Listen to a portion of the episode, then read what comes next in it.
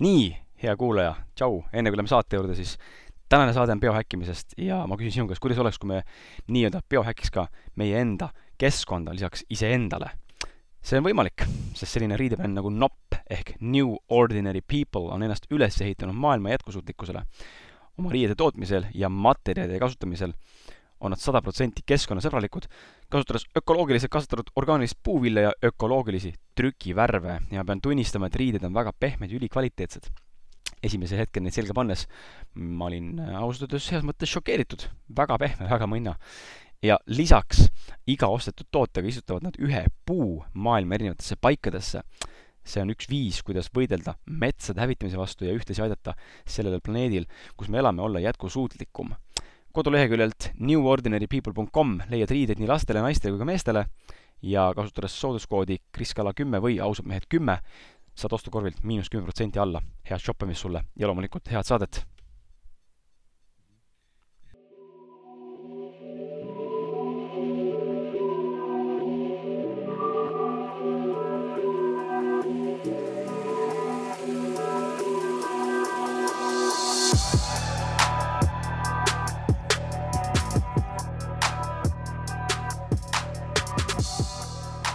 Kuulge, väga tore, väga vahva, salvestama pandud, mina olen siin, Siim on siin.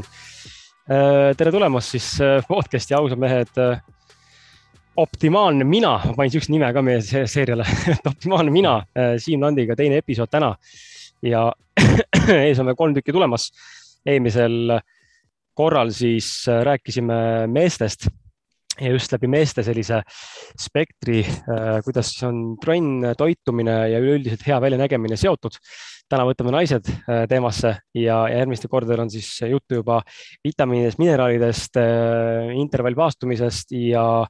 longevity'st ehk siis mitte vananemisest või siis äh, peaaegu surematusest, sest et Siim seda praktiseerib siin väga jõuliselt, siis sellest saame rääkida. anna meile teada, tere, Liisi, anna teada, palun, kui sa siin oled ruumis, kolm küll praegu, aga äkki tuleb teid rohkem, täna on püha, nagu ma aru sain, jah.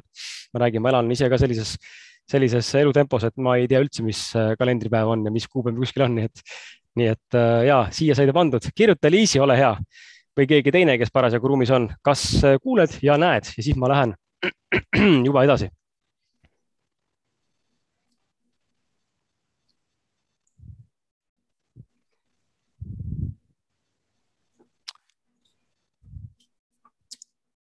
nii.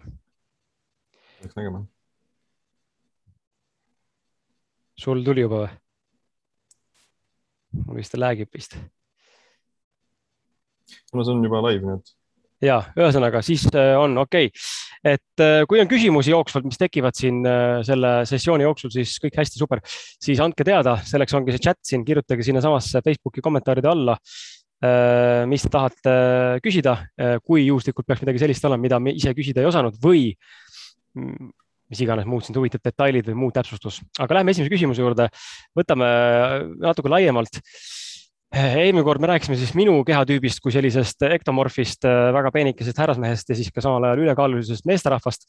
võtaks täna siis samamoodi need kaks nii-öelda äärmust nii naiste poolest kui ka siis tähendab peenike naine ja ülekaaluline naine, et need kaks erinevat kehatüüpi, et kuidas, mida sina oskad siin nagu soovitada, kuidas siis peenike naisterahvas saaks kasvatada lihasmassi äh,, mitte minnes siis samal ajal rasvaseks olema, ma eeldan, et seal võib olla mingid erinevad dünaamikad on ka, et päris naine vist niimoodi ei pulgi, nagu mehed pulgivad äh,. ja teistpidi siis, kui sa oled naisterahvas, kes tahab kaalus alla võtta, sa oled natukene kuskilt äh, justkui rasvasem, häirib midagi äh,. kuidas siis seda kaalu langetada selliselt, et äh, et sisuliselt sa ennast täiesti ära ei närvutaks nii-öelda perioodiga, et mida, mida nagu peaks ette võtma nende kahe erineva kehatüübi puhul ja, ja mida oskad sina nagu soovitada? mm. -hmm. no see on, äh, ma arvan, et oleks hea aru saada, et äh, üld, ükskõik missuguse nii-öelda keha kompositsiooni parandamisel on nagu need printsiibid on enam-vähem nagu samad, et äh, isegi kas sa oled ülekaaluline või alakaaluline ja sa soovid siis oma keha kompositsiooni parandada, siis see nagu trenni, trenni tegemine ja toitumine nagu enam-vähem sama, ainult võib-olla mõned nagu teist, mõned väiksed erinevused on. aga jah, et see see on küll tõsi, et nagu naised, naistel ei ole siis nagu nii palju seda testosterooni ja muid anaboolseid hormoone, mis nagu siis võimaldaksid neil muutuda niisuguseks suureks kulturistiks või nagu niisuguseks massikoletiseks, et, et see on jah, et see on hormoonide erinevus ja lihasmassi erinevus ja luustiku erinevus ja kõik need asjad mõjutavad siis seda lõpptulemust ja see ongi nagu siis üks suurim nii-öelda siis müüte või valearusaamasid, mis just nimelt just nimelt nagu äh, naisi siis äh, puudutab, et äh, nad, nad ei kard-, nad kardavad siis te teha näiteks jõutreeninguid, sest nad kardavad, et see muudab neid nii-öelda liiga suureks või liiga lihaseliseks. et jah, neil on nagu siis teistsugused soovid oma keha kompositsiooni suhtes, aga ikkagi jah, et nagu see ei, ei vasta nagu tõele, et neil ei ole siis nagu võimalik saada ka nii suureks kui mingi, mõni kulturist. ja üldise kaalu langetamise puhul on ikkagi alati eesmärk ju säilitada võimalikult palju siis niisugust lihasmassi Äh, ja kaot- ja põletada enamasti rasva, et see on, see on nagu siis tervislikum ja see on ainevahetusele parem, see on äh, pikaajalisusele parem ja väljanägemise poole pealt on ka see parem, et nagu sa, ma ei tea, kunagi mainisid, äh, kas eelmine podcast või eelnev seda veel, et see, et see on niisugune mingis, mitte sul, aga nagu üldiselt nagu erinevatel inimestel on niisugune skinny fat sündroom, mis siis kirjeldab seda, et äh, ei ole lihasmassi, aga sihuke väike nagu, nagu siis äh, jonnakas, mm -hmm. jah, jonnakas rasv on ikkagi alles Äh, mis on siis nagu üks, äh, üks halvemaid nagu variante, et äh, sellepärast, et see soov oleks ikkagi säilitada, et nagu, kui see ei ole nagu vajalik, siis nagu keha kaalu langetada, vaid nagu rõhk peaks olema alati siis selle keha rasva põletamisel ja lihasmassi säilitamisel. Ja üks kõige nagu siis, üks kõige tõhusam ja kõige paremaid viise selle saavutamiseks ongi siis teha mingil määral niisugust jõutreeningut või siis noh, ükskõik nagu niisugune resistantsusttreening või noh, vastupidavustreening, äh, jõusaalitreening või mis hõlmab nagu erineval määral niisuguseid äh, raskuseid. Et see annab siis kehale niisuguse otsese signaali, et äh, tal on vaja seda lihasmassi säilitada ja just nimelt põletada rasva, et rasva just ei ole vaja sellel situatsioonil ja lihasmassi on vaja säilitada. võrreldes sellega, kui sa nagu niisugune hästi palju kardiot, hästi palju niisugust hit-kardiot ähm,, superintensiivset niisugust treeningut, siis see on, annab, noh, see aitab kindlasti nagu kaloreid põletada, aitab kaalu langetada aga ta ei anna siis kehale sedasama signaali, et tal oleks seda lihasmassi vaja säilitada. ja tihtipeale võib nagu juhtuda nii, et kui sa teed ainult kardiot ja samal ajal oled siis nagu kaloridefitsiidis, siis äh, noh, lõpp, no sa kaotad jah kaalu, aga lõppkokkuvõttes sa kaotad ka mingil määral siis äh, lihasmassi, et seda säilitada, sest see kaloridefitsiit ise nagu ka võtab seda mingil määral äh, energiat lihasmassist ära ja kui sa teed, treeningud on näidanud, kui sa kombineerid siis nagu liha, seda jõutreeningut koos kaloridefitsiidiga, siis sa säilitad nagu hästi palju seda lihasmassi, sest su keha saab selle signaali, et tal on seda vaja lihast, on tal vaja seda jõudu ja vastavalt vastupidiselt sellele, kui sa teed ainult kardiot, ainult mingit siukest aeroobset treeningut, siis sa seda nagu signaali ei saa. et äh, see on nagu siis ma ei tea, kõige vähemalt, vähemalt nagu sihuke kõige, kõige fundamentaalsem nagu printsiip selle keha väljanägemise parandamise poole pealt ka, et nagu see lihasmass annab siis niisuguse rohkem parema vormikuse Äh, võrreldes siis äh, see, kui sa oled nagu see skinny fat, et kui sa skinny fat, siis sul nagu seda vormikust nagu ei ole mm. -hmm. sa mainisid seda, seda huvitavat müüti, et naised kardavad minna jõusaalitreeningu juures või üldse siis ütleme jõutreeningu juures siis äh, minna nagu nii-öelda väga maskuliinseks ja lihaliseks onju.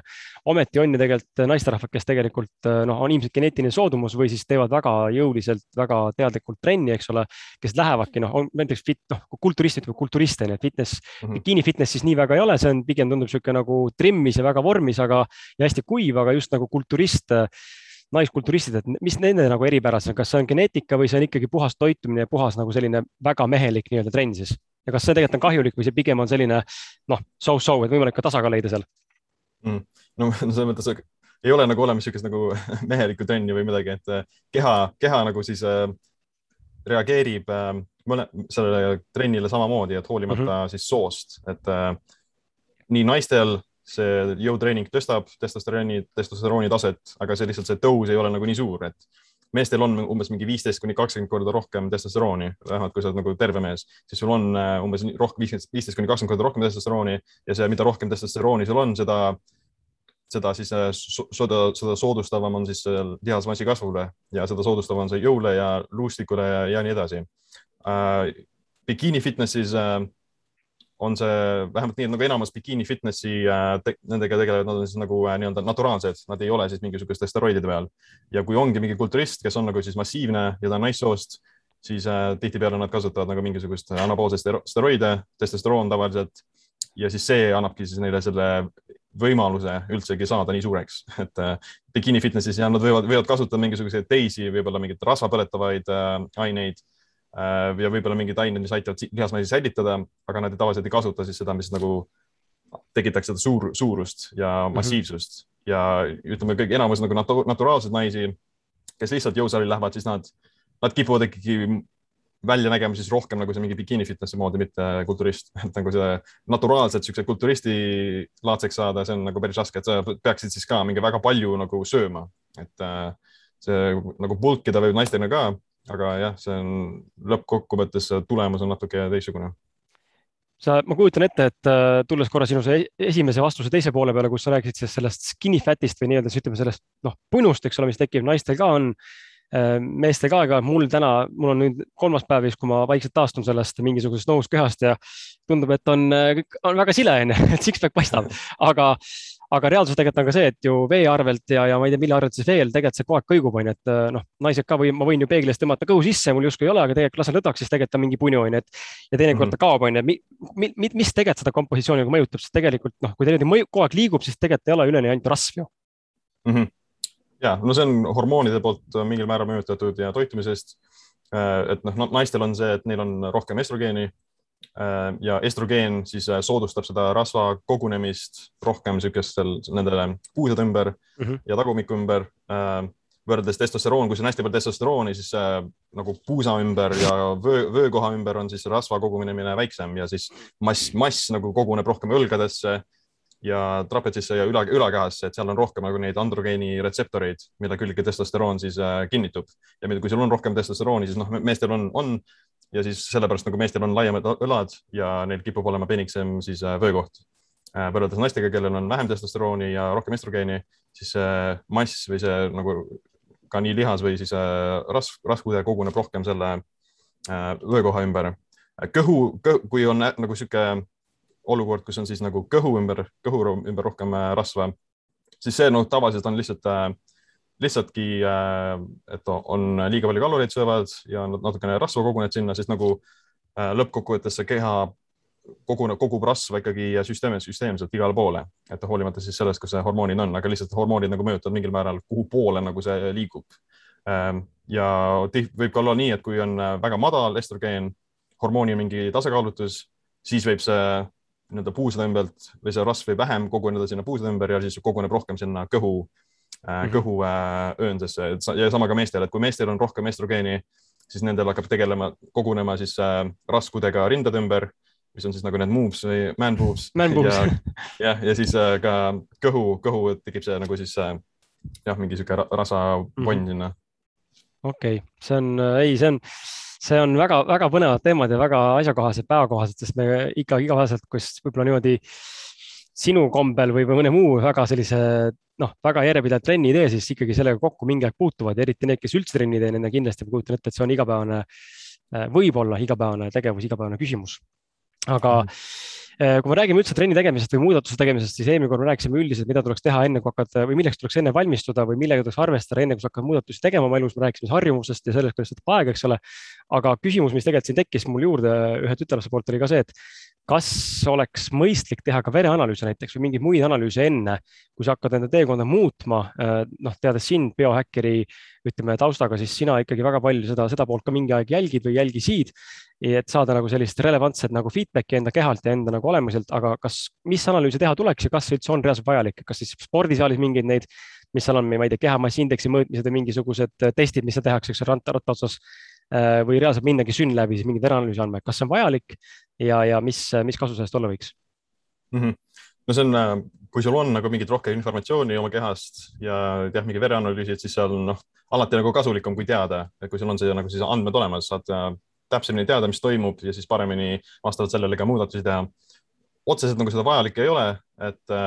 et see ei, ei peaks olema nagu mingi vabandus, et ma ootan, kuni ma teen mingi analüüsid, enne kui ma hakkan midagi mm -hmm. tegema. et need üldised nagu fundamentaalsed asjad nagu ikkagi trenn ja toitumine ja äh, stressi maandamine ja uni ja kõik need asjad ikkagi on, need toimivad alati, isegi siis, kui sul on, on nagu siis halva, halvad tulemused äraanalüüsis või head tulemused, et nagu need asjad peaks ikkagi alati paigas olema ja neid peaks siis nagu aktiivselt nendega tegelema.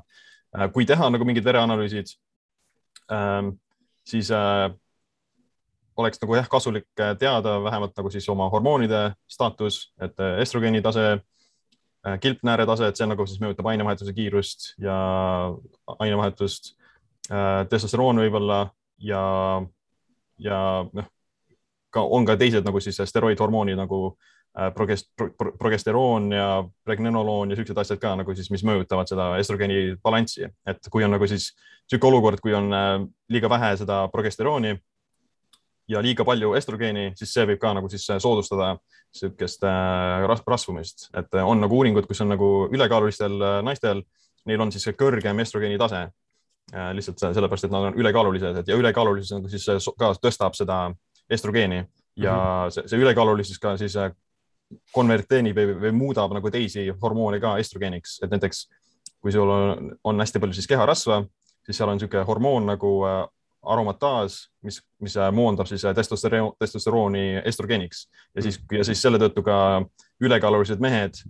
siis sellepärast nad muutuvadki nagu estrogeeni dominantseks, et nagu nad, nad hakkavad neid muupse kasvatama sellepärast, et see testosteroon moondakse, moondatakse estrogeeniks, sest keharasv, siis on see aromataas on seal sees keharasvas ja siis see moondab seda testosterooni estrogeeniks, et see no estrogeeniga on jah niisugune asi, et sa pead nagu seda balansis hoidma teiste hormoonidega nagu see progesteroon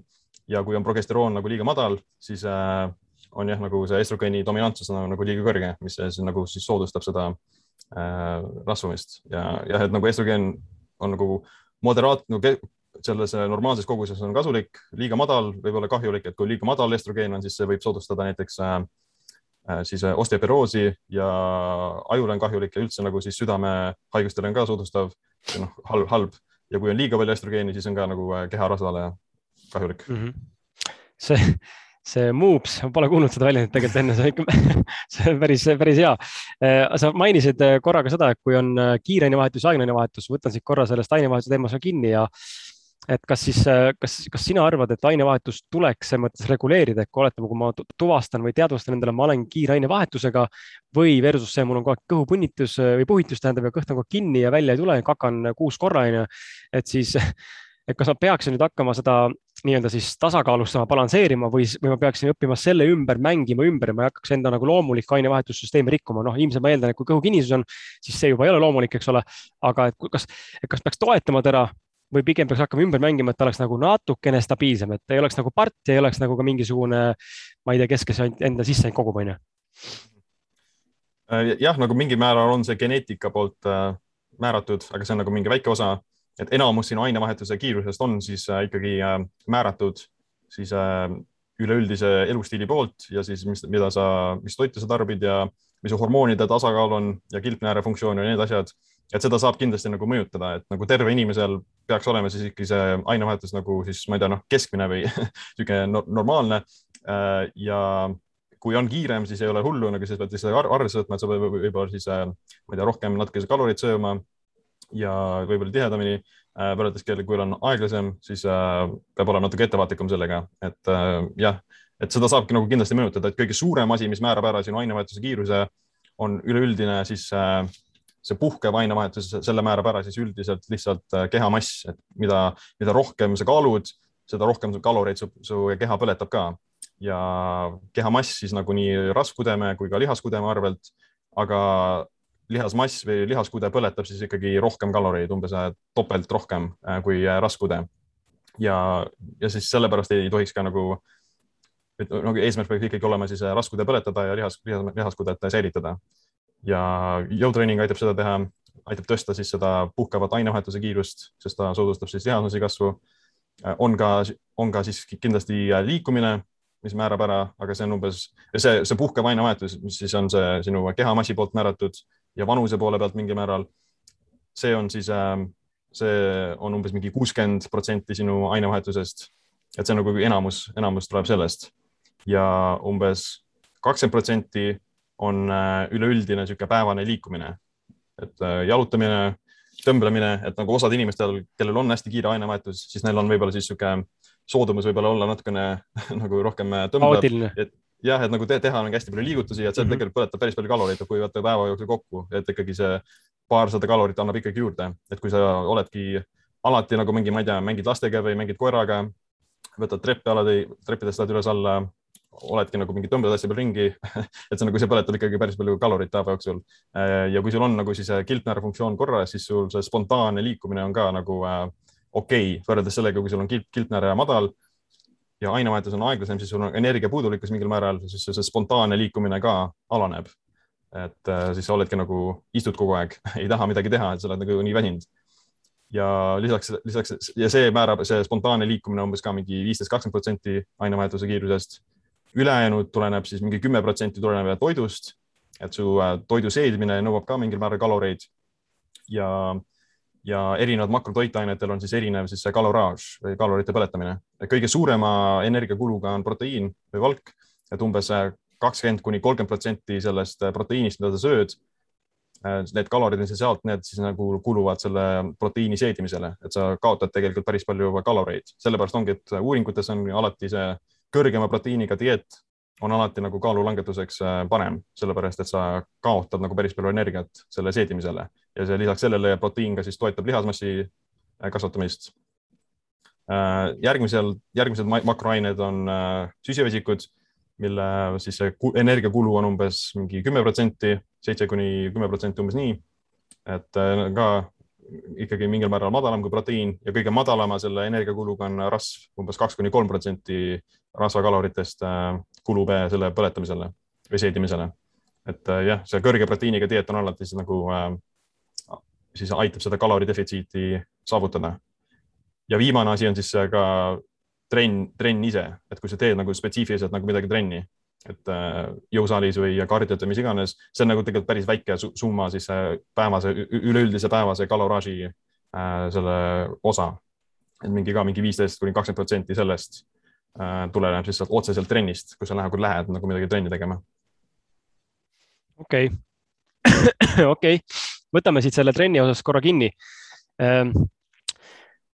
noh, jälle tekib see küsimus, ju naisterahva poolt tulnud küsimus, et kas naine peaks eelkõige kardiole keskenduma enne jõutreeningut või siis hoopis äh, peale. Äh, kui nüüd tõesti sama jutt, siis nagu sarnaselt, siis sarnane küsimus siis eelmisele saatele, kus me rääkisime siis sellest, kas enne trenni peaks tegema ennast soojaks või mitte, eks ole, ja mis mahus ja mis, mis sageduses, aga, aga et äh, kuidas naistega on, et kas, ähm, kas siis, kui panna nad kokku, on ju, kas siis trenni, üks trenn, kas siis kardio ja jõutrenn korraga, kumb enne või, või üleüldises pildis kui vaadata nagu tänavapilti ka naistest äh, või üldse naiste uskumustest, mulle pigem tundub, et väga paljud nagu jõusaalis ei, ei nagu ei käi, eks ole, neid on, kes käivad, aga pigem alguses, kui hakatakse kaalu langetama, ikkagi minnakse jooksma või kõndi, tehakse mingeid aeroobseid asju, on ju, minnakse kuskile, ma ei tea, vesivõimlemine või ma ei tea, mis seal veel on. et äh, kumb see efektiivsem ikkagi oleks sellisel, sellisel juhul mm? -hmm no ma kindlasti nagu mõlemad äh, tasub teha, et mõlemad on nagu tervislikud ja mõlemad aitavad kaalu langetada, mõlemad aitavad seda keha kompositsiooni parandada aga jah, nagu siis äh, puhtalt äh, rasva, rasvapõletuse poole pealt on see jõutreening ikkagi tegelikult äh, efektiivsem, et äh, see, kui sa põled, kui sa teed kardiot, siis sa põletad neid kaloreid enam-vähem selle trenni ajal ainult, et äh, umbes tund aega teed kardiot, siis sa põletad mingi paarsada kalorit. Ja pärast seda nagu siis ainevahetus nagu eriti nagu ei muutu, et sa tõstad seda oma energiapäevakulu, aga su keha jääb nagu mingil määral samaks, et sa võib-olla saad nagu paremini, paremini vormi aeroobsus paraneb, aga see nii-öelda siis puhkev ainevahetus nagu jääb samaks võrreldes sellega, kui sa teed jõutreeningut, siis sa annad oma kehale selle signaali, et sul on äh, rohkem lihasmassi vaja, ta hakkab seda lihasmassi kasvatama ja sinu siis see puhkev ainevahetus äh, tõuseb mingil määral. see ei ole nagu mingi tohutu suur summa, aga ikkagi äh, sa, sa, sa nagu saad oma siis saad, saad nagu rohkem kaloreid põletada ilma millegi tegemata, ilma midagi tegemata, et sa lihtsalt nagu puhkad ja kuna sul on rohkem lihasmassi, siis su keha põletab rohkem kaloreid lihtsalt nagu mitte midagi tehes. et äh, see on nagu siis üks eelis nagu pikk, nõnda siis äh, longevity poole pealt või äh, selle jätkusuutlikkuse poole pealt on see nagu mingil määral parem, et äh, kaardi on hea, aga nii-öelda alati nagu siukseid hetki meie elus, kus me ei saa seda teha, et nagu töö mhm. tuleb ette, perekonnaelu, mis iganes ja me ei saa alati teha seda kaardiat nagu minna teha kaardiat kogu aeg mingi mitu tundi nädalas, et võib-olla mingi paar korda saame, aga see ei ole nagu siis nagu pidevalt ei saa seda teha, võrreldes sellega, kui me teeme seda jõutreeningut äh,, siis äh, see aja investeering on enam-vähem sama. aga me ka siis tõstame seda seda ainevahetuse kiirust isegi siis, kui me midagi, midagi ei tee pärast, pärast jõutreeningut. et nagu jah, mõlemad on nagu kasulikud. Äh, kui taha, kui soovi on nagu siis äh, kiirendada äh, kaalulangetust või rasvapõletust, siis äh, kaardid saab sinna juurde lisada. aga see nii-öelda, see nii-öelda siis baastreening jõutreeningu näol oleks ikkagi nagu kasulik seal alles hoida. okei okay.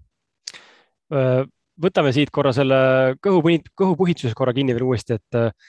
ma näen siin üks täpsustav küsimus tulnud ka, mitte küll praegu laivi ajal, aga mulle eelnevalt saadetud ühe tütarlapse poolt, et paljud toiduained ajavad kõhu puhitama, kuidas käituda või mida see näitab sinu enda tervise kohta mm? -hmm. no see sõltub vist toiduainest, et äh, tihtipeale on nagu siuksed äh, erinevad mingisugused toiduained võivad jah tekitada mingeid kõhuprobleeme, et kõige suuremad nii-öelda kahtlustus, kahtlustuse all olevad on siis mingi teraviljatooted, nisutooted, gluteen, laktoos, piimatooted äh, või siis ka mingisugused allergiad, et kui on mingi jah, mingi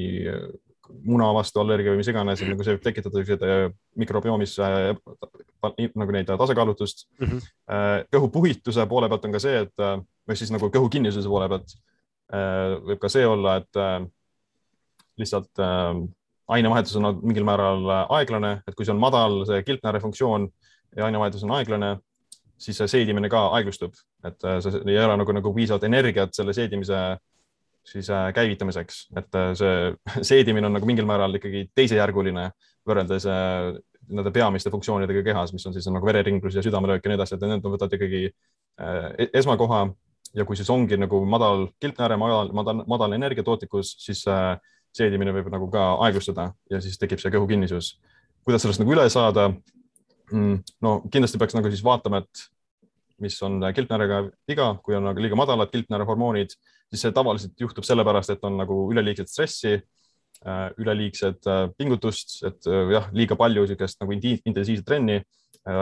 ja kombineeritud siis ka madala kaloraažiga, et kui oledki siis väga madala kaloraažiga dieedi peal, siis kilpnääre funktsioon lõpuks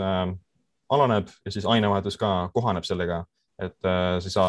sest meie keha on nagu väga kohanev, ta võib kohaneda siis nagu kõrgema kaloraaži tarbimisega või siis madala kaloraaži tarbimisega. Ja kui me olemegi harjunud väga madala kaloraažiga eh, ellu jääma, siis keha jääb nagu siis sellesse nagu mingil määral kinni. Ja sealt noh, on võimalik seda taastada, et äh, aeglaselt siis kaloraaži tõsta, targemini trenni teha, paremini, paremini stressi maandada ja ka siis mingeid teatud toitaineid äh, tarbida, mis aitavad kilpnäärele kaasa nagu jood on siis niisugune põhiline kilpnääre mineraal, mis aitab kilpnääre hormoone toota, aga ka teised mineraalid nagu näiteks magneesium, äh, seleen ja isegi sool, sool tegelikult aitab sellel joodil sinna kilpnääresse sisse saada, et transpordib selle joodi sinna kilpnääresse, et kui sa oledki väga madala soola sisse selle tarbimisega, siis äh, ei ole nagu kasu, kui sa ainult nagu piisavalt joodi saad, et see sool on ka tegelikult kasulik või noh, nagu tähtis selle kilpnääre jaoks. on see, on see vahe, mis soolast me räägime? tavaline sool, meresool, ma ei tea, Himalaia sool mm? -hmm no üldiselt ükskõik nagu mis sool, seal on ikkagi soodium on sees, et see soodium mhm. on see molekul, mis nagu seda kilpnääret äh, toetab, on kindlasti nagu mõned tervislikumad soolad. Äh, jah, meresool, Himalaia sool, et need on noh, paremad kui siis tavaline äh, lauasool, jah kui palju mängib rasv siinkohal rolli just nagu näiteks ähm, või rasvapuudus? Rasvapuudus ja võib-olla oskad rääkida ka rasva midagi üle, üleküllusest siis meie organismis või kuidagi, mis see toidu, toidu, toiduga nagu tuleb, et ma küsin sellepärast, et äh, ma mäletan, kui ma ise, see oli väga ammu, ähm, väga ammu väga,, väga-väga ammu, kui ma proovisin, äh, läksin jõusaali äh, siis mul sõber ütles, et nüüd on vaja hakata sööma hakata, kuna tema oli siis vormis onju, nüüd on vaja sööma hakata, Kris, et tegi ainevahetus, ma siis laksisin mingi, ma ei tea, ma arvan nädal umbes kolm pool tonni kalori sisse, eks ole, ma väga hullult ei jälginud seda, aga sõin rõvedalt. ja mul oli minul lõi kõhu niimoodi kinni, et ma ei, ei kakanud reaalselt, ma arvan, mingi poolteist nädalat ja siis ta küsis mu käest, kuule, et aga sa rasva ka oled söönud või? siis ma hakkasin mõtlema, et pff, ega ei ole vist, et enamus on süsivesikud ja, ja mingid äh, kiuderohked äh, aurutatud köögiviljad ja protekas oli kas mingi taimne või mingi kana tol hetkel. Ja, ja siis, kui ma peanut butter'it hakkasin sööma, siis selle peale siis lõi mul põhi alt ära onju, et hakkas käima, et kas see rasv reaalselt nagu mõjutab siis seda, seda ka, seda osapoolt, et on kinni või mitte kinni, et kas liiga vähe sööd rasva ja mis juhtub, kui sa sööd liiga palju rasva, et kas siis äh, mm. siin on ka mingeid probleeme või? -hmm. Uh, jah, et ütleb jah, see nagu väike kommentaar selle kõhukinnisuse poole pealt ka, et äh, üle, üleliigne, üleliigne nii-öelda kiudaine tarbimine võib ka seda kõhukinnisust äh, tekitada, et äh, see nagu kiudaine aitab sellele regulaarsusele kaasa, aga üleliigselt kiudainet jah, võib ikkagi kinni võtta lihtsalt sellepärast, et seda on nagu mingil määral raske seedida ka, et kui sa, see on nagu niisugune optimaalne doos, et seal liiga palju ei ole, ei ole hea ja liiga vähe ei ole ka hea, et see on kuskil nagu keskmine. ja jah, lisaks selle rasva poole pealt, et äh, jah, nagu rasv on nagu eluks vajalik äh, toitaine ja rasv just nimelt aitab ka hormoonidele rohkem kaasa, kui, kui nii-öelda hästi-hästi palju, hästi palju hormoonid, steroidhormoonid nagu testosteroon ja östrogeen, aga ikkagi mingil määral sellest rasa, rasvast nagu siis toodetud ja jah, liiga vähe rasva võib tekkida mingisuguseid hormoonide puudulikkust ähm, näiteks jah, meeste poole pealt, et kui sa oled nagu mingi me, me, mehed võivad natuke madalama rasva selle tarbimisega olla, ilma et nagu neid hormoone mõjutaks. Eh, aga naiste puhul eh, on natukene jah, kõrgema rasvasisaldust vaja, et oleks siis nagu optimaalne. mingi protsentuaali poole pealt ellujäämiseks miinimum on mingi viisteist protsenti päevasest kaloraažist võiks olla rasva poole pealt, et see on nagu miinimum aga optimaalselt mingi kakskümmend meestele ja naistele mingi kolmkümmend protsenti päevasest kaloraažist rasvana. et see on nagu äh, hea nagu kogus. Okei okay,, siin on. ja, ja, ja muidugi ja muidugi selle nagu siis otseselt seedi, otseselt seedimise poole pealt ka see, et äh, rasva nagu siis äh, söömine või rasva seedimine siis ka vabastab erinevaid nagu neid seedensüüme mm -hmm. ja noh, ma, ma, kuidas eesti keeles on see bile, mingisugune sapimahl või mis, mis iganes see, et see nagu ka nagu siis rasva seedimise poole pealt nagu keha siis äh, toodab seda ja see aitab siis ka nagu seedimisel kaasa, et jah, kui sa oled nagu väga madala, väga madala selle rasvaga, rasva tarbimisega ja ainult kiudainet tarbid nii-öelda ja hästi palju proteiini ka, et siis jah, see ei ole nagu siis jah, seda nii-öelda asja, mis nagu seda kerg, kergest, kergendaks mm. -hmm. seega rasva ei pea otseselt kartma mõistuse piires. ja muidugi, et nagu äh, kui sa liiga palju rasva sööd, siis kõige suurem asi, mis võib juhtuda, on lihtsalt see, et äh, sa võtad kehakaalust äh, juurde, et seal rasvas on ikkagi rohkem kaloreid ja jah, et sa väga lihtne on nagu siis äh, vähe nagu alateadlikult tarbida liiga palju rasva, et kui sa panedki hästi palju mingeid õlisid või mingit jah, maapähklivõid või siukseid asju, siis sa ei pruugi arugi saada, kui palju kaloreid sa tegelikult tarbid, et äh, nagu lihtne üle süüa. Aga kas seal on, vastab ka tõele see, et nagu no korra rasva näitele veel, et kas ta on nagu täis, äh, täistoidust saadav rasv, näiteks pähklid ja avokaado, eks ole, või siis ongi eraldatud nii-öelda õlid või mingisugune üldse, ma ei tea, junk food, eks ole, kindlasti mõjutab erinevalt, aga et, et kas täistoidul on ka siis see rasvaprotsent, rasvaprobleem, ehk kui ma söön liiga palju pähkleid kogu aeg, onju, siis tegelikult ma saan, okei okay,, ma saan kaloreid, onju, nagunii see on selge, onju, et ma saan ka rasva sealt, aga et et kas seal peaks ka nagu piirama ennast, noh, kujutan ette, kui inimesed näksivad pähkleid, jube hea võtta, aga onju, tegelikult päeva jooksul mm. sa võib-olla sööd tohutult rohkem oma kaloritest, kui sa tegelikult naisena võib-olla vajaksid või meestena, mehena ka võib-olla mm. -hmm. Um nojah, seal pähklit, pähk, pähklit võib nagu äh, kergesti üle süüa küll, et äh, kui sa snäkid jah, siis äh, see on nagu, nagu äh, seda peetakse kui nii-öelda siis tervislikuks snäkiks, niisuguse mingi trail mix ja siuksed asjad. aga jah, kui sa liiga palju seda sööd, siis sa võtad ikkagi kaalust juurde, et äh, jah, sellest peab nagu lihtsalt nagu teadlik olema. kas seda peab vältima, nagu ma arvan, ei pea, et äh, mingil, mingis nagu siis äh, mingites kogustes on see ikkagi okei okay., sama ka avokaado nende puhul Äh, neis on küll, on küll natuke vähem kaloreid kui näiteks võis või mingi oliiviõlis või mingi siukses asjas, et äh, aga no samas nagu need on kergem üle, ülem süüa, et nagu mm -hmm. enamus inimesi ei võta nagu äh, rusikaga võid või rusikaga õli ja ei söö seda nii, et äh, nad paned natuke toidu juurde ja siis nad mingil määral on, on nagu rohkem teadlikud sellest äh, rasvakogusest siis, kui nad nagu kasutavad seda õlina, et äh, ei panda nagu mingi tohutus koguses seda kuskile toidule juurde, aga pähkleid ja neid asju küll nagu võib nagu kergesti üle süüa, et mm -hmm. äh, jah, kaalulangetuse puhul on nagu lihtne, lihtsam nagu siis nagu neid äh, piirata natuke, et äh, olla teadlik, kui palju no, tarbid. Okei okay. ähm niisugune huvitav küsimus, ma ei tea, kas oskad vastata, võib-olla see on liiga, liiga nagu äh, üldistav küsimus, aga miks naistel peauimasus tekkida võib, mis võib seda uimasust põhjustada? noh, ma tean äh, juurde rääkida oma elukaaslase kogemusest võib-olla, et vahepeal, kui rauda oleme vähe võtnud, noh, me tarbime, noh, me liha ei söö, eks ole, siis me püüame seda kätte saada igalt poolt mujalt ja lisa, lisavariandina siis me oleme kasutanud seda äh, ma ei tea, palju Siim, sa tead seda, aga ma arvan, et sa kuulnud, on see melassi, melassisiirup, mis on päris tummise maitsega ja seal on päris suur rasvaprotsent, mitte rasvaprotsent, raua, rauasisaldus on ju, et äh, ma mäletan, kui ta rase oli, siis äh, ka, kui tekkis mingisugune hoog, kus oli pigem nagu väike, eks ole, laps võttis endalegi toitained või kas imetades mm, -hmm. siis me seda oleme teinud nagu mingi sihuke paar päeva kuuri nii-öelda iga päev võttes paar, paar korda, siis see lükkas näidud kohe nagu jõuliselt üles, et see nagu töötas meie puhul vähemalt. aga, aga ta täna ka naine veel, ta fast ib, eks ole, niisugune peaaegu seitseteist, kaheksateist tundi teinekord isegi äh, talle nagu väga sobib see, vähemalt enesetunne on okei okay,, aga vahepeal on tunda, et kisub nagu uimasest pea, mõni hetk nagu söömata pikalt. et mis see uimasus põhjustab naiste puhul just eriti, sest meestel ma ise nagu noh, enda puhul ei märka väga uimasust sellist, sellisel viisil. ja üks nagu üks võimalus on jah, see raud, et äh, raud on madal, siis hemoglübiin on äh, madal ja siis äh, ei ole nagu piisavalt hapnikku äh, veres äh,, verele pidades ja see, see raua tarbimine on jah, nagu äh, määrab seda mingil määral, aga tihtipeale ei ole nagu rauapuudulikkus tegelikult see kõige suurem probleem, et tegelikult me rauda saame päris paljudest toitudest. et noh, eriti kui sa sööd näiteks siis liha ja muid asju,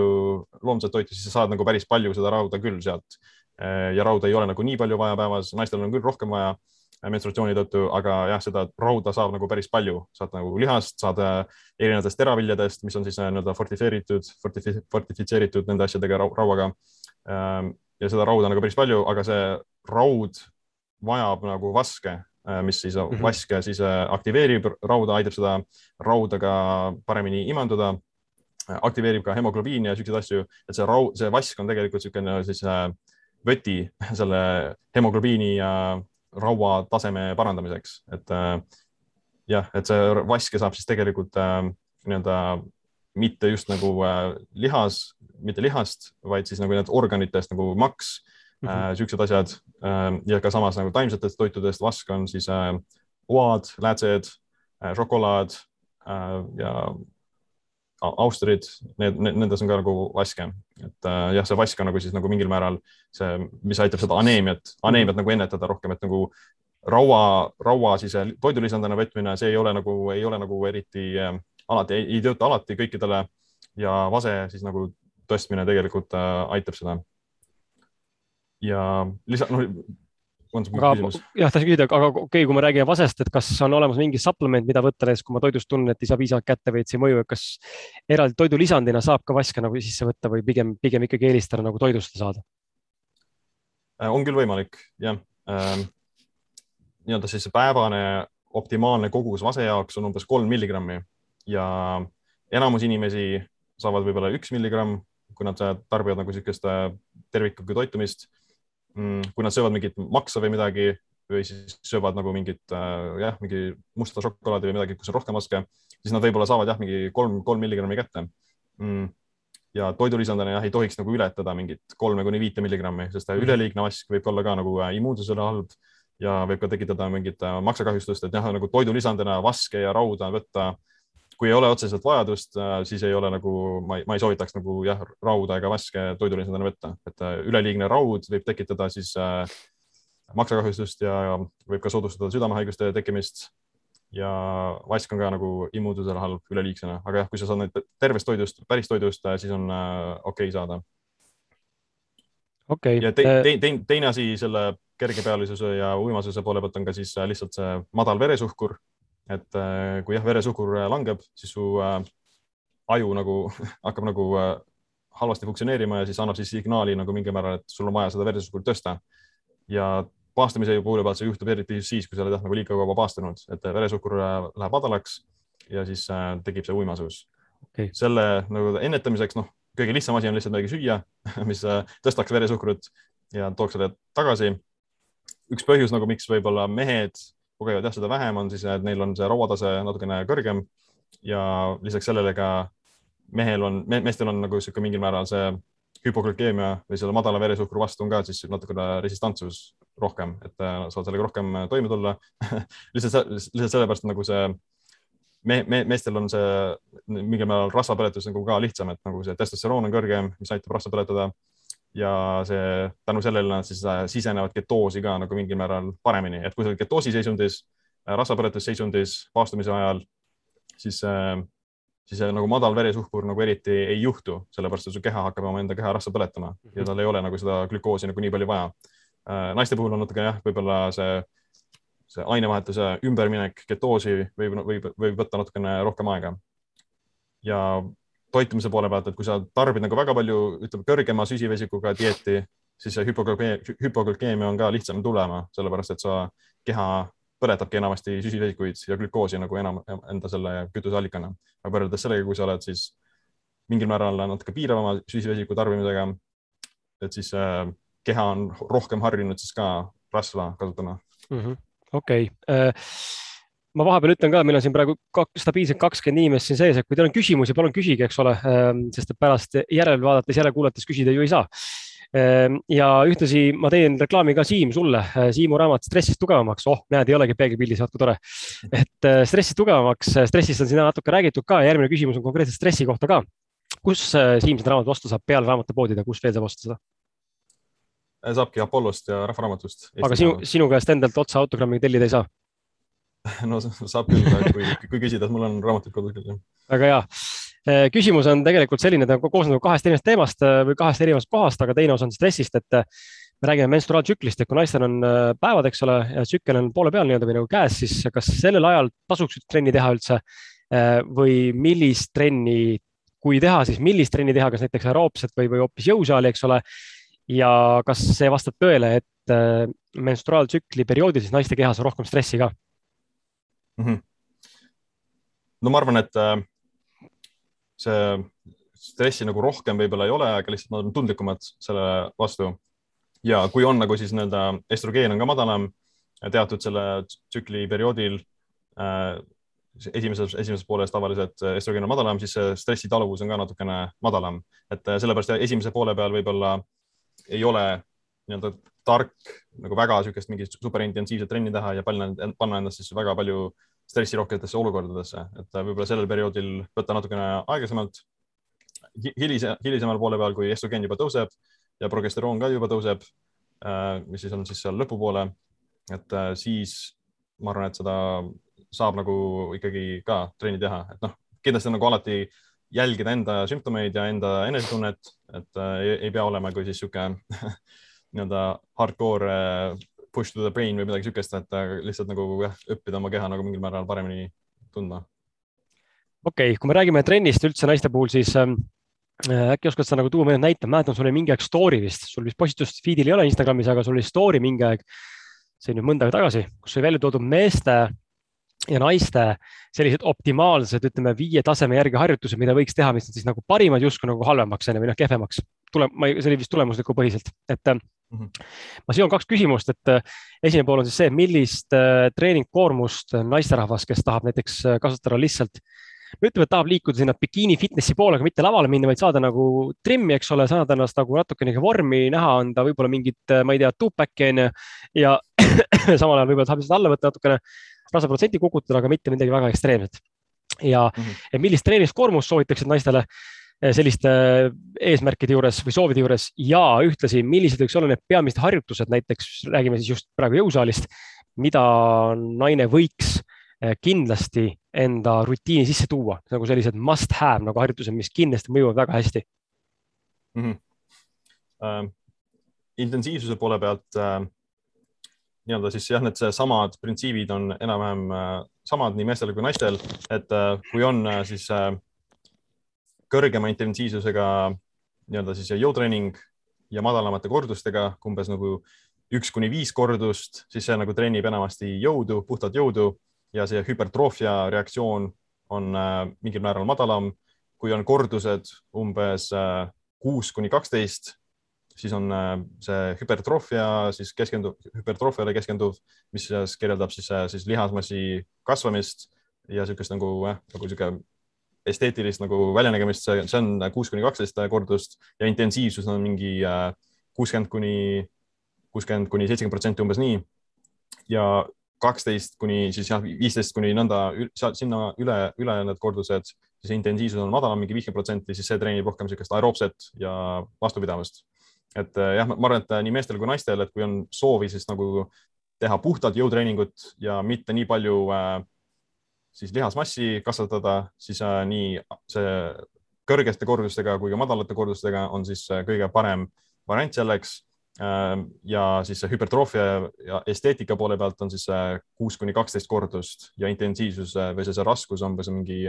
kuuskümmend kuni seitsekümmend protsenti siis mm -hmm. maksimaalsest sooritusest ähm, jah, et sa leiad, leiad endale mingisuguse raskuse, mida sa saad umbes teha mingi kaheksa kordust, siis teha mingi kolm, kolm seeriat selle harjutuse kohta, et see on nagu siis niisugune tavalisem, kõige hüpertroofiale keskenduv äh, rutiin. ja, ja see hüpertroofia on ka lihtsalt mingil määral see bikiini fitnessi äh, ala rohkem, et äh, kui sa teed mingi powerlifting ut mingi strongman'i, siis su, siis sul äh, need kordused peaksid olema natuke madalamad ja selle, selle võrra ka intensiivsus kõrgem, aga jah, hüpertroofia esteetika poole pealt on see jah, kuskil kuus kuni kaksteist. Äh, ma arvan, et algajad, algajatel on hea mingi, kuskil keskenduda mingi kaheksa kuni kümme kordust ühes seerias ja mingi kolm seeriat ühe harjutuse kohta. et see on nagu kõige niisugune standard lähenemine. aga, aga mõned harjutused äkki, oskad äkki välja tuua, ma ei tea, kas kükid või, või mingisugused, mis need naised teevad põhiliselt, noh, jõutõmbet kujutan ette, väga ei pane vist naist tegema, aga võib-olla paned mm? -hmm. no see on jah, ma arvan, et see sõltub väga palju siis äh, inimese enda eesmärkidest ja missugust nii-öelda siis keha kuju nad mingil määral soovivad, sest see nii-öelda keha välimus on ka mingil määral puhtalt selle tulemus nagu missugust äh, stiimulit see saavutab, et kui mm -hmm. sa teed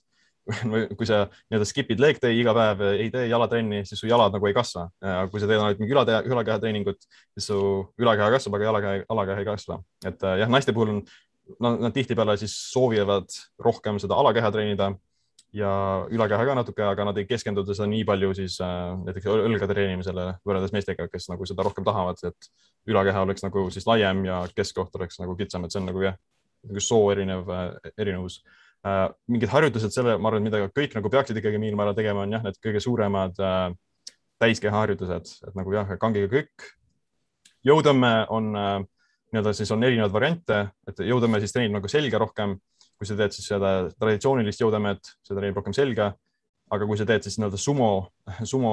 sumo seisa, seisundis jõutõmmet, mis siis, noh, see näeb välja, et seal jalad on natuke harkis ja siis nagu natuke laiali aetud siis see treenib rohkem tegelikult seda tuharat ka ja mm -hmm. seda reielihast, et see on Aga..., kui naised teevad jõutõmmet, siis nad tavaliselt teevad seda sumo, sumo, sumo asendis jõu, mm -hmm. jõutõmmet. Aga Rumeenia jõutõmme, see on ju ka põhimõtteliselt taga, jala taga, reie tagaosale ju rohkem ju kannikale vist, kui teha ilusti, eks ole, on ju, venitab sealt ju kõvasti. jah, ja et küll, et see Rumeenia on siis sirgete jalgadega, et äh, jah, see, see on ka sobilik äh,. aga enamus naisi teevad tavaliselt sumot mm. -hmm Äh, lisaks sellele tuharale ja reitial on ka siis see, ma ei tea, kas eesti keeles on see hip või see hip thrust, mis on see, et sa paned selle kangi enda siis äh, äh, kõhu peale või mitte kõhu peale, vaid selle, noh, jah, selle peale siis nii-öelda siis lükkad seda. see on nagu siis, et sa oled nagu sellili ja, ja siis nagu istud pepuga maas ja lükkad peppu siis ülesse, noh, nagu üheksakümmend kraadi nurga alla, jah, paralleelselt ja. pinnaga, maapinnaga mm. -hmm. ja, ja raske nagu, on... raske kirjeldada, guugeldage neid äh, termineid, eks ole, see Romanian deadlift, siis see sumo deadlift ja hip thrust äh, exercise, siis te näete. ja see hip thrust on nagu siis see, see on nii-öelda ala, alaselja see sild, aga su äh, ülaselg on selle pingi peal ja mm -hmm. siis sa paned oma selle kangi, paned siis jah, sinna noh, kõhu peale, mitte kõhu peale seda..., vaid selle noh, puusa, puusa peale. jah, aga seda võivad mehed ka teha. jah, muidugi, jah, muidugi, et äh, ülakeha poole pealt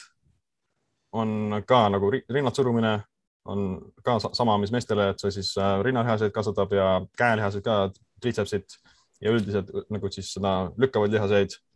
Äh, õlapress, õlad surumine, seda võib teha nagu siis äh, seisvalt koos kangiga või siis istudes nende hantitega, et mõlemad on mm -hmm. nagu õlgadele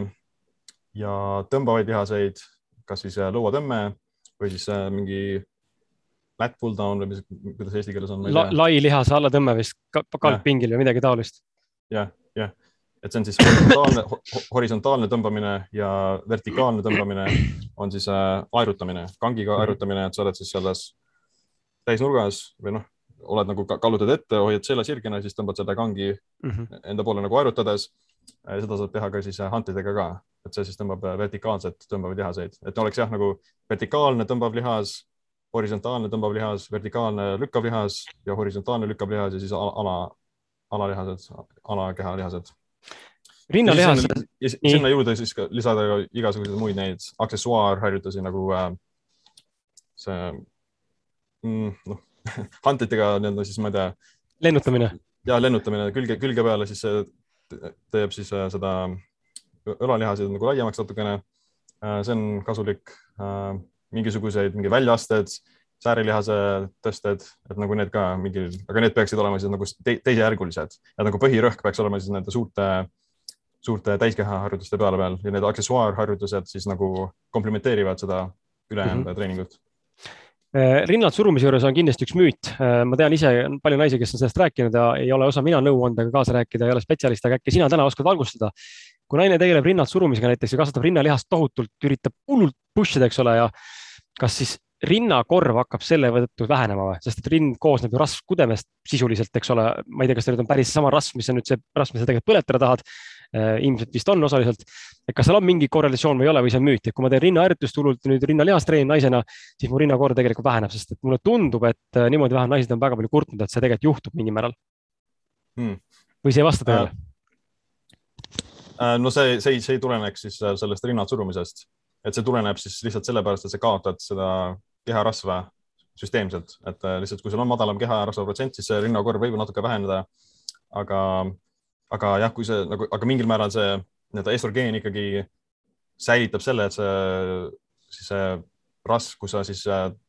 see rasv, mida sa siis talletad, see ikkagi läheb siis puusadesse ja rindadesse mm. -hmm. et kui sul ei ole just nagu mingi väga, väga madal estrogeen või mingid muud niisugused hormooni tasakaalutused, siis nagu ei tohiks nagu väga märkimisväärne erinevus olla mm. -hmm. kindlasti jah, kui sa kaotad nagu rasva, siis võib natukene väheneda. aga see ei, see ei tulene lihtsalt sellepärast, et sa, et seda just nagu rinnaharjutust teed. et nagu, kui nagu loogika poole pealt peaks tegelikult mingil määral suuremaks minema, et kui sa kasvatad nagu rinnaliha, siis, siis selle rasvkudema alla tekib seda rinnalihasid rohkem ju, et siis nagu peaks nagu vähemalt, vähemalt nagu see push-up efekt peaks, peaks olema natuke parem, et see mm -hmm. nagu vormis et rinnad on siis natuke rohkem ülevalpool, et seal, seal on rohkem lihaseid ja see aitab siis seda nagu rohkem nagu siis äh, üleval hoida. Okei okay., kas sa oskad öelda ka selliseid asju, kui räägime nüüd äh, täna, tänase vestluse üks teema on ka see, et üleüldiselt hea välja näha, siis naisterahvas tahab ikkagi üldiselt, et noh, üldiselt naised ikkagi tahavad ja meestele väga meeldib, kui naistel on suuremad rinnad, eks ole. siis äh, kas seda on võimalik kuidagi rindasid nagu loomulikult ka kasvama, taas kasvama panna, näiteks ma ei tea, pärast imetamisperioodi või, või hullu kaalulangust või et noh, sa ütlesid, lihasega saab toonida, eks ole, natuke tekitada seda push-up'i, kui lihas on seal rasvakude all nii-öelda olemas. et ta natuke toonib seda, aga kas on mingid toiduained, mida naine võiks kindlasti tarbida või mingid supplemendid või mingisugused ma ei tea, mis harjutused, asjad, et mis aitaks tegelikult loomulikul viisil siis rinnakorvi justkui nagu suurendada või taastada seda, mis sul eelnevalt oli et kas seal on samasugune mälu, nagu meil on, vaata, sa oled rääkinud sellest, et lihasmälu on, eks ole, kui ma teen trenni, eks ole, ma olen mingi vormi saavutanud, mingi aeg ei tee, siis see lihasmälu jääb alles, seda saavutada, seda taset saavutada on väga palju lihtsam, kui hakata nullist tegema, et kas see on, kas see käib ka näiteks naiste keha kohta samamoodi või? või mitte päris uh,? no ma ei, ma täpselt ei oska öelda, et uh, kas on nagu võimalik. spekuleerime Ot, otseselt nagu kasvatada ma, ma, ma ei tea. Kindlasti nagu, et kui saab nagu mingi, saab mingil määral seda hormoonide taset nagu parandada, et kui sa jah, saad näiteks estrogeeni taset tõsta või siis seda progesterooni tõsta vastavalt veretulemustele, et siis see nagu mingil määral võib-olla aitab sellele kaasa, aga nagu täiseas, et kui sa oled juba nagu täiskasvanud inimene, siis nagu neid muudatusi äh, on nagu üpris nagu raske teha mm, -hmm. et äh, peale puberteeti nagu need siukseid mingeid drastilisi muudatusi ei ole, nagu kindlasti saab nagu mingil määral mõjutada, aga siukseid mingi väga suuri märkimisväärseid nagu erinevusi, ma arvan, et ei ole nagu võimalik vist okei okay., okei okay äh, küsimus on naisterahva poolt ka selline, kuidas mõjub naistele peale trennis saunas käimine? eelmine saade rääkisime meestest samal teemal, eks ole. et kas naised võiks sauna samuti peale trenni minna ja kui pikk võiks nende sessioon nii-öelda olla ja kui tihti mm? -hmm. Uh, ja muidugi, et sa saunal on uh, vähemalt sarnased mõjud uh, nii naistele, et siis aitab uh, taastuda trennist, on ka südamele kasulik, veresoonkonnale ja, ja no ma arvan, et see kogus või nagu erinevus, see on võib-olla jah, võib-olla võib on see tõsi, võib-olla jah, et nagu äh, siis mehed taluvad seda kuumust ka natukene rohkem ähm,. aga samas on ka see probleem, et kui ütleme, et kui sa või nagu mehed, mehed peavad natukene hoolivamad olema just selle, selle tõttu, et see üleliigne kuumus võib ka siis kahjustada nagu äh, spermat, sperma kvaliteeti ja siis äh, takistada seda spermatogeneesi. et äh, jah, üleliigne kuumus, kas siis saunas või siis ma ei tea äh,, lihtsalt, lihtsalt nagu üleliigne kuumus seal, siis see nagu takistab seda sperma tootlikkust. et äh, võib-olla mehed peaksid võib-olla natukene rohkem sellele tähelepanu pöörama, et äh, sellepärast, et ma tegin nagu Instagrami postituse ka, et äh, kasutada nagu neid Äh, külmapakke või mhm. jääpakke siis äh, munandite ajal, et nagu neid jahutada ja siis see on näidatud, et see tõstab testosterooni ja ka parandab spermatogeneesi ja siis isegi ka aitab nagu vereringlust seal parandada ja, nii edasi, et see on nagu kasulik ja kui sa oledki just nagu saunas või siis noh, vahetult peale sauna oleks nagu hea midagi niisugust teha. Äh, naiste poole pealt see ei, ei tohiks nagu mõjutada, see kuumus nagu seda. okei okay,, ehk siis äh, Araabia Ühendriikidesse meestel kolida ei tasu okei, võib-olla jah Äh, okei. Okay., äh, korra tuleme intervjuu paastumise juurde, mul on kaks küsimust nüüd jäänud sulle, kui te tahate midagi küsida, head äh, inimesed, kes siin praegu laivis meid vaatavad, siis see võimalus on teil olemas. Siin, mina küsin kaks viimast küsimust ja siis tõmbame selle episoodi siin kokku ära, et kas intervjuu paastumine? Küsimus on siis eelnevalt natuke rääkisime sellest ka, aga et arusaadav, ta naistele keelatud ei ole, ta on pigem on lubatud kõigile, eks ole, aga milline võiks olla optimaalne intervall paastumine, paastumise aken või ajaline suhe siis sellisele ütleme peenikesele ülekaalulisele naisele või see, või see pole üldse vahet. ja kas pigem igapäevased või mingite tsüklite ka a la, ma ei tea, üle päeva või nädalas paar korda? ja no ma, ma alustaks võib-olla sellest, et äh, see paastumine, intervallpaastumine võib olla kahjulik siis hormoonidele nii meestel kui naistel äh,. Kui, kui, kas, kas see on siis kahjulik või mitte, siis sõltub väga palju siis sellest inimesest ja tema siis energiatasemest, et äh, on näidatud uuring, noh, uurimused on leidnud, et see nii-öelda intervallpaastumine ülekaalulistel naistel võib olla isegi kasulik äh,. ja just siis, kui neil on ka see mingi polütsüstiline munasarja sündroom, et see, see paastumine tegelikult aitab sellega toime tulla rohkem ja siis nagu alandab seda inflammatsiooni, alandab insuliini, siis alandab ka estrogeeni dominantsust tänu sellele, et nagu kui sa oled jah, ülekaaluline, siis sul on nagu kehal rohkem energiat ja siis see threshold või see lävepakk, mil see paastumine muutub stressirohkeks, on ka palju kõrgem võrreldes siis nagu alakaalulise naisega või naisega, kellel ei ole nagu nii palju üleliigset keharasva, et see on nagu indiviidide vaheline erinevus. kui sul on nagu siis äh, ei ole nagu ülekaaluline, sa oled normaalse kehakaaluga, siis äh, põhjus, miks see paastumine võib äh, tekitada rohkem stressi, ka tuleneb siis sellest energiast, et äh, tihtipeale, kui sa teed niisugust intervallpaastumist, siis sa ka vähendad kaloreid mingil määral või alateadlikult, et äh, lihtsalt ei, ei jaksa nii palju süüa, see on, aitab kaalule, kaalulangetusele kaasa, aga selle tulemusena ka siis sa võib näha natuke madalamaid kilpnoore, kilpnääre tootlikkust aga see ei tulene otseselt paastumisest, vaid see tuleneb siis ka sellest nagu kalorite piiramisest, et kui panna rohkem rõhku siis kalorite tarbimisele ja veenduda, et sa saad siis nagu piisavalt toitaineid, siis nagu saab nagu vältida seda päris lihtsalt. Küll on, küll on küll see tõsi, et jah, et jällegi nagu teiste asjade puhul, et meestel on seal nagu taluvus natuke kõrgem, et neil on rohkem testosterooni. ja naiste puhul siis nad ei, ei, ei nagu ei pea siis nagu ka nii palju paastuma, ma arvan, et jah optimaalne nagu ajavahemik, see on nagu raske öelda. osad, ma tean, ma tean naisi, kes nagu on võimelised väga lihtsalt mingi ühe päeva korra päevas süüa, teised söövad nagu kolm korda päevas, mingi neliteist tunni ajavahemikus või mis iganes, et ma arvan, et jah, mingi naiste pool peab leidma jah, mis nagu neile individuaalselt nagu sobib, et see üleüldine nagu põhjus, miks teha seda intervallpaastumist on ka lihtsalt nagu siis selle dieediga paremini toime tulla, et siis mm -hmm. teha endale asi mingil määral lihtsamaks ja siis et ei pea nagu siis nii palju kaloreid lugema, sa lihtsalt nagu piirad oma seda toiduakent ja siis, siis alateadlikult nagu vähendad oma seda kalorite tarbimist. et ma arvan, et nagu niisugune keskmine paastumisaken on umbes mingi, ütleme nagu kõige, kõige lihtsam, mis enamus inimesi teevad, on niisugune kuusteist tundi päevas paastumist ja kaheksa tundi söömist. kui on naistel soovi, siis nad saavad ka siis mingi ka mingi neliteist tundi paastada, kolmteist tundi umbes nii, et nagu ei ole nagu mingi suuri erinevusi, et lõppkokkuvõttes see lõpp, lõpptulemus ikkagi määrab ära selle nagu palju sa kaloreid tarbid ja mis mm, -hmm. mida muud sa teed, et see on lihtsalt nagu üks, üks nagu siis tööriist oma kaloraaži manipuleerimiseks. okei okay., võtan viimase küsimuse siit, see on samuti naisterahvalt tulnud millised oleksid need must have toidulisandid, vitamiinid, mida naisterahvas kindlasti võiks juurde äh, igapäevaselt või siis regulaarselt tarbida, näiteks äh, näitena toota siis näiteks D-vitamiin, magneesium ja muud sellist, et ja kui on jutt magneesiumist, siis juba küsib ka, millist magneesiumi vormi omastab keha kõige paremini, mida sina soovitad mm? -hmm. Uh, ja, et magneesium on kindlasti üks asi, ma arvan, et mida enamus inimesi nagu vajaksid mingil, mingil moel, vähemalt aeg-ajalt kuna seda ei ole nagu nii palju toidus leida siis ka nii-öelda siis mullad on magneesiumi vaesed üpris mm,. milline vorm magneesiumist? kõik, kõige nagu sihuke, kõige paremini imanduv magneesium on L-treonaat, mis on siis kõige, vähemalt ajule kõige paremini imandavam. aga seda on nagu ka raskem leida natukene. Teised siuksed lihtsamad magneesiumi tüübid on glütsinaat, magneesiumglütsinaat, mis siis on siis glütsiiniga kombineeritud. See on nagu, ma arvan, üks parimaid, on ka malaat, mäleit inglise keeles, see on magneesium, mis on tavaliselt südamele kasulik, on ka magneesiumoksiid ja oksiid ei ole tegelikult üks nagu parimaid, see on nagu niisugune halvema kvaliteediga. Ja tsitraat on tihtipeale, magneesiumtsitraat on siis niisuguse noh, kõhtu, kõhulahtistusega efektiga natukene, et see on siis seedimisele võib kasulik olla või kõhukinnisuse poole pealt, et see aitab siis sellega toime tulla natukene. ja viimasena ma ütleks, et äh,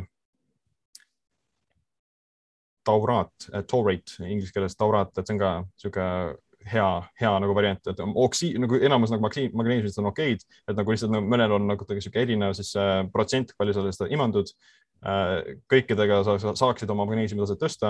aga see oksiid on võib-olla siis nagu kõige halvem mm. -hmm. teised, teised toidu, teised toidulisandid veel mm,. siis äh, raud, mõtlesin, et seda ei oleks nagu äh, kasulik äh, võtta toidulisandina, et see saada siis rauda päris toidust ja vaske ka mitte, seda ka saada toidust ähm, jood oleks nagu võib-olla niisugune asi, mis nagu mõned inimesed vajavad, kui ei tarbi nagu väga palju meretoitu või siis nagu neid merevedikaid ja lehtkapsast ja siukseid asju ähm,. võib-olla ka.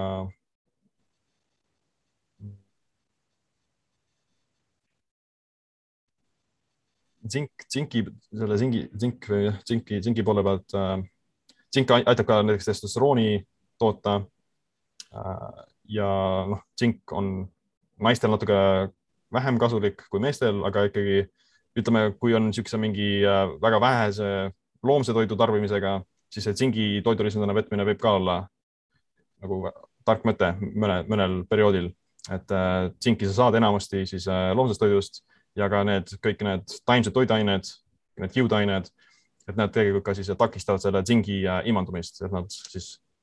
seonduvad selle tsingiga ja siis väljuvad kehast. et jah, sõltuvalt siis sellest, äh, missugust dieeti tarbida. ma ei tea, otseselt nagu praegu rohkem nagu midagi ei tule, et nagu päris paljud nagu toiduained saab ikkagi toidust kätte, kui sa tarbid mm, -hmm. siis tarbid niisugused nagu äh, siis äh, mitmekülgset toitumist, siis sa saad nagu enamus kätte äh,. üks nagu üks huvitav toidulisand, mida ma arvan ka lisaks magneesiumile võiks võtta vähemalt mehed, on äh, boor ja boor siis äh, aitab ka testosterooni tootmisele aitab ka D-vitamiini äh, kasutamisele ja siis vähendab ka neid osteoporoosi riski ja alandab nagu inflammatsiooni mm. -hmm. et äh, boori nagu sa saad toidust, aga ütleme, kõige suuremad booriallikad ongi näiteks äh, kuivatatud ploomid ja rosinad ja siuksed asjad, et nagu väga paljud inimesed nagu ei tarbi neid ja jah, et see kolm milligrammi päevas boorina toidulisandina võtta, vähemalt meestel nagu mõnikord on äh, ma arvan ka vähemalt okei okay, mõnikord võtta. naistel võib-olla ka mõnikord, aga mitte nagu iga päev. mis tabloomi koguse mõttes oleks niimoodi paralleelina tuues, et noh, vaata, me oleme siin, seda ilmselt teavad paljud nüüdseks, ma arvan juba, kui me räägime seleeniumist näiteks, siis äh, seal on tegelikult mõistlik ju süüa sedasama, mis äh, parapähkel jah, et äh, üks-kaks tükki päevas, eks ole, sa saad väidetavalt oma täiskasvanud inimese normi kätte, kas siis boori puhul on ka sama teema umbes, et noh, tegelikult tuleks süüa ainult, ma ei tea, neli-viis tükki, siis tegelikult ei ole ju suur katsumus, siis tegelikult võiks süüa iga päev seda mm.. see on päevase poori, sa saad mingi jah, võib-olla mingist neljast kuivatatud ploomist umbes, umbes nii. jah, kui sa võtad rohkem, kui sa saad mingi kümme ploomi, et siis ma midagi nagu hullu ei juhtu ähm,. aga jah, mingi neli või kolm umbes nagu see miinimum, saada see kolm milligrammi. see on väga lebo, siis tuleb hakata sööma väga lahe, äh, lisaküsimusi tundub, et ei tule ja, ja ma ei lase siis rohkem küsida ka, et äh, küsimused hoidke siis järgmiseks äh, laiviks. järgmine laiv toimub meil. Millal see nüüd oli? see oli meil jah, kakskümmend neli august kell kaks Facebookis ausad mehed leheküljel ja teemadeks on meil siis intermittent fasting ehk intervalli paastumine, ketoosi seisund, kalorid, paastumise tervislikud kasutegurid ja kõik selle ümber nii et äh, tuleb põnev vestlus äh,. ma arvan, väga palju häid uusi mõtteid ja, ja egas midagi, ma tänan kõiki, kes meid siin laivis osalesid. Kõik, kes siin lõpuni kuulasid ja neid, kes vahepeal ära läksid ja vahepeal juurde tulid ja järelkuulamine tuleb äh, täna on meil reede, järelkuulamine tuleb homme, ma panen laupäeval kõik ülesse. nii podcast'i puhul kui ka siis äh, Kris Kala Youtube'i kui ka siis äh, noh, siia tuleb nagunii, Facebooki tekib kohe ta. nii et ja ma tänan sind ka, Siim ja, ja ilusat päeva sulle, ilusat päeva kõigile teistele ka. okei okay,, tšau. tšau, tšau.